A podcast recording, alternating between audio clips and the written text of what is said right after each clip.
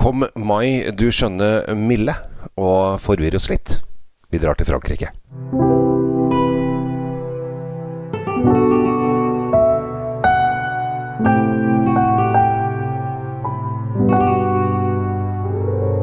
Og hjertelig velkommen til eh, nok en episode av Kjell Svinkjeller. Nå har vi kommet oss inn i mai. Eh, God vår, kan man da si. Nå er vi lysner nå.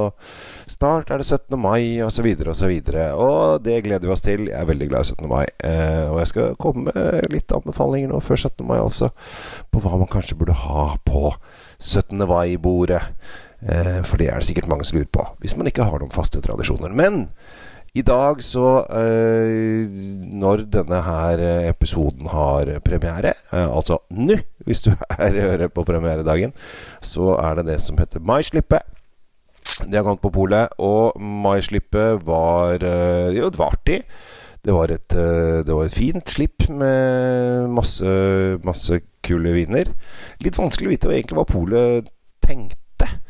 For som regel så er det sånn Ja, nå skal vi ha fokus på det og det området. Eh, veldig rart at plutselig polet har dialekt, men sånn er det en gang. Og da er det sånn her at vi skal ha sånn og sånn og sånn og sånn. Um, denne mai, dette maislippet har veldig en litt sånn spre, spredt tankegang. Med litt her og litt der. Det var litt tyske bobler, noe champagne, rosévin selvfølgelig, eh, Sauvignon Blad. Eh, noe Pinot Noir fra eh, Argentina. Eh, og litt sånn forskjellig. Så det var litt sånn, sånn hulter til bulter. Men en av disse vinene som eh, kommer, har jeg lagt eh, merke til, og det er litt morsomt. Vi skal til Loiredalen i Frankrike. Og vi skal til en uh, vin som heter Chateau de la Gravel George. Uh, og dette er litt morsomt, for dette er en muscadet.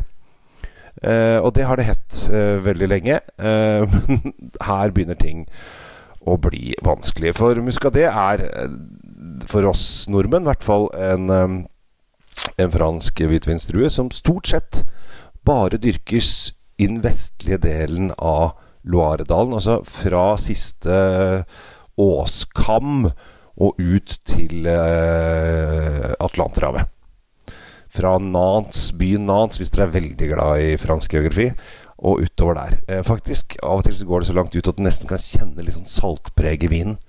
Eh, og det er faktisk ganske deilig. Så hvis dere um, får til det, så det finner en sannhet, så gjør gjerne det. Men dette her, Muscadet, er en litt sånn glemt og undervurdert, tror jeg. For dette er, hvis du er veldig glad i Chablis, så syns jeg Muscadet er bedre. For den har Den er litt friskere. Og har ikke disse grønnskjærene som ofte Chamblin kan ha. Og så er det rimeligere pris. Eh, og det passer veldig godt til sjømat og alt som i og for seg du har Chablis til. Og veldig mange drikker Chablis bare på terrassen også. Så her går det til det meste. Men problemet har jo da skjedd. For at nå har de funnet ut nede i Frankrike at nei, eh, den skal ikke hete Muscadet. Den skal hete Melon de Bourgogne, altså melon fra Burgund. Og Burgund er jo et helt annet distrikt i Frankrike. Og ja, eh, vindruen kommer egentlig derfra. Men det blir jo veldig forvirrende, syns jeg, når du skal ha en vindrue som oppkalt Eller som ikke lages i Burgund, men er oppkalt etter Burgund. Eh, og da begynner det å bli eh, litt sånn forvirrende for veldig mange, og, og i og for seg meg selv. Og så tenkte jeg, hvorfor gjør dere Hvorfor, hvorfor kaller dere opp vindruen etter et annet distrikt? Det er jo helt ko-ko. Det er, det er, Jeg syns det er skikkelig dustete. Og det som er det morsomt, er at eh, faktisk grunnen til at eh, Muscadet, som jeg liker å kalle det, eh, er i Loiredalen og ytterst Loiredalen, var at det var en kjempehard frost i 1709 som stort sett drepte alle de andre plantene. Altså alle de andre druene. Og eneste som liksom overlevde, var Muscadet-druen. Eh, og da ble den lokal, for da fant ut på, i 1709, så, så gambla det ikke. Ja, vi prøver et år til, vi. Det var så skikkelig dårlig i fjor. Vi prøver et år til. Nei, sånn holdt ikke på. Eh, da sa jeg å ja, dette funker. Vi går for det. Så Muscadet har vært Altså fra den siste fjellkjeden og ut, så er det Muscadet som er greia for alle penga. Eh, og da syns jeg heller at de kunne kalt den et eller annet lokalt, da, Loire-druen eller et eller annet sånt. Eh, men nei da, de skal da rote det bort i Melon de Bourgogne, eh, og, eh, eller Bourgogne, som de liker å si. Og dette her er igjen franskmenn. De skal gjøre det så dritvanskelig for seg sjæl. Jeg holdt det Jeg skulle lage podkast på burgundviner med, med, der hadde vi fått noe sånn EU-støtte fra eh, organisasjonen i Burgund. Som da ville at vi skulle fokusere på noe uh, Burgund. Og det, var, det, kan vi gjøre. Det er fint. Det er fint oppdrag. Uh, men de hevdet da hardnakket at vi skulle si Bourgogne hele tiden. Uh, for at det er det det heter der nede. og da må jeg bruke eksempelet mitt som ikke har noe med vin å gjøre Hellas. Vi kaller Hellas Hellas. Hellas kaller Hellas Hellas. Resten av verden kaller det noe annet. Da er det Greece og Grekenland og alt mulig sånne rare ting. Vi kan jo si til resten av verden at slutt å være idiot, det heter Hellas.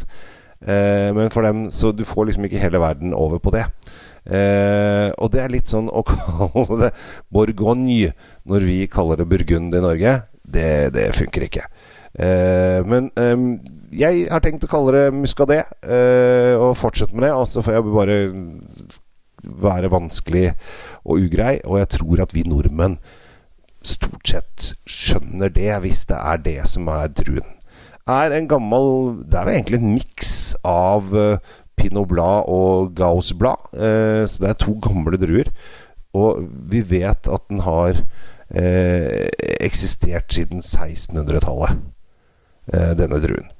Så dette her er eh, gammelt og modent. Men når de lager da, denne muskadé-druen, så uh, av og til så legger de den litt på fat. Så den får en litt sånn rund og fyldig munnfølelse. Og da blir det helt Altså det blir som en dans mellom den litt sånn lett smørmyke fra fatet og den syrlige friskheten, og av og til bitte lite grann saltpreg. Så eh, du kan få noen fantastisk gule viner. Og faktisk denne vinen som da jeg, eh, jeg drar frem i dag.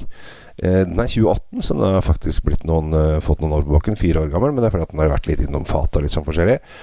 Og er en deilig, fyldig og litt fet vin med en rund og deilig moden gul frukt og litt melon. Så der kommer den der melon de bourgogne inn i. Men eh, vi kaller det muscadet.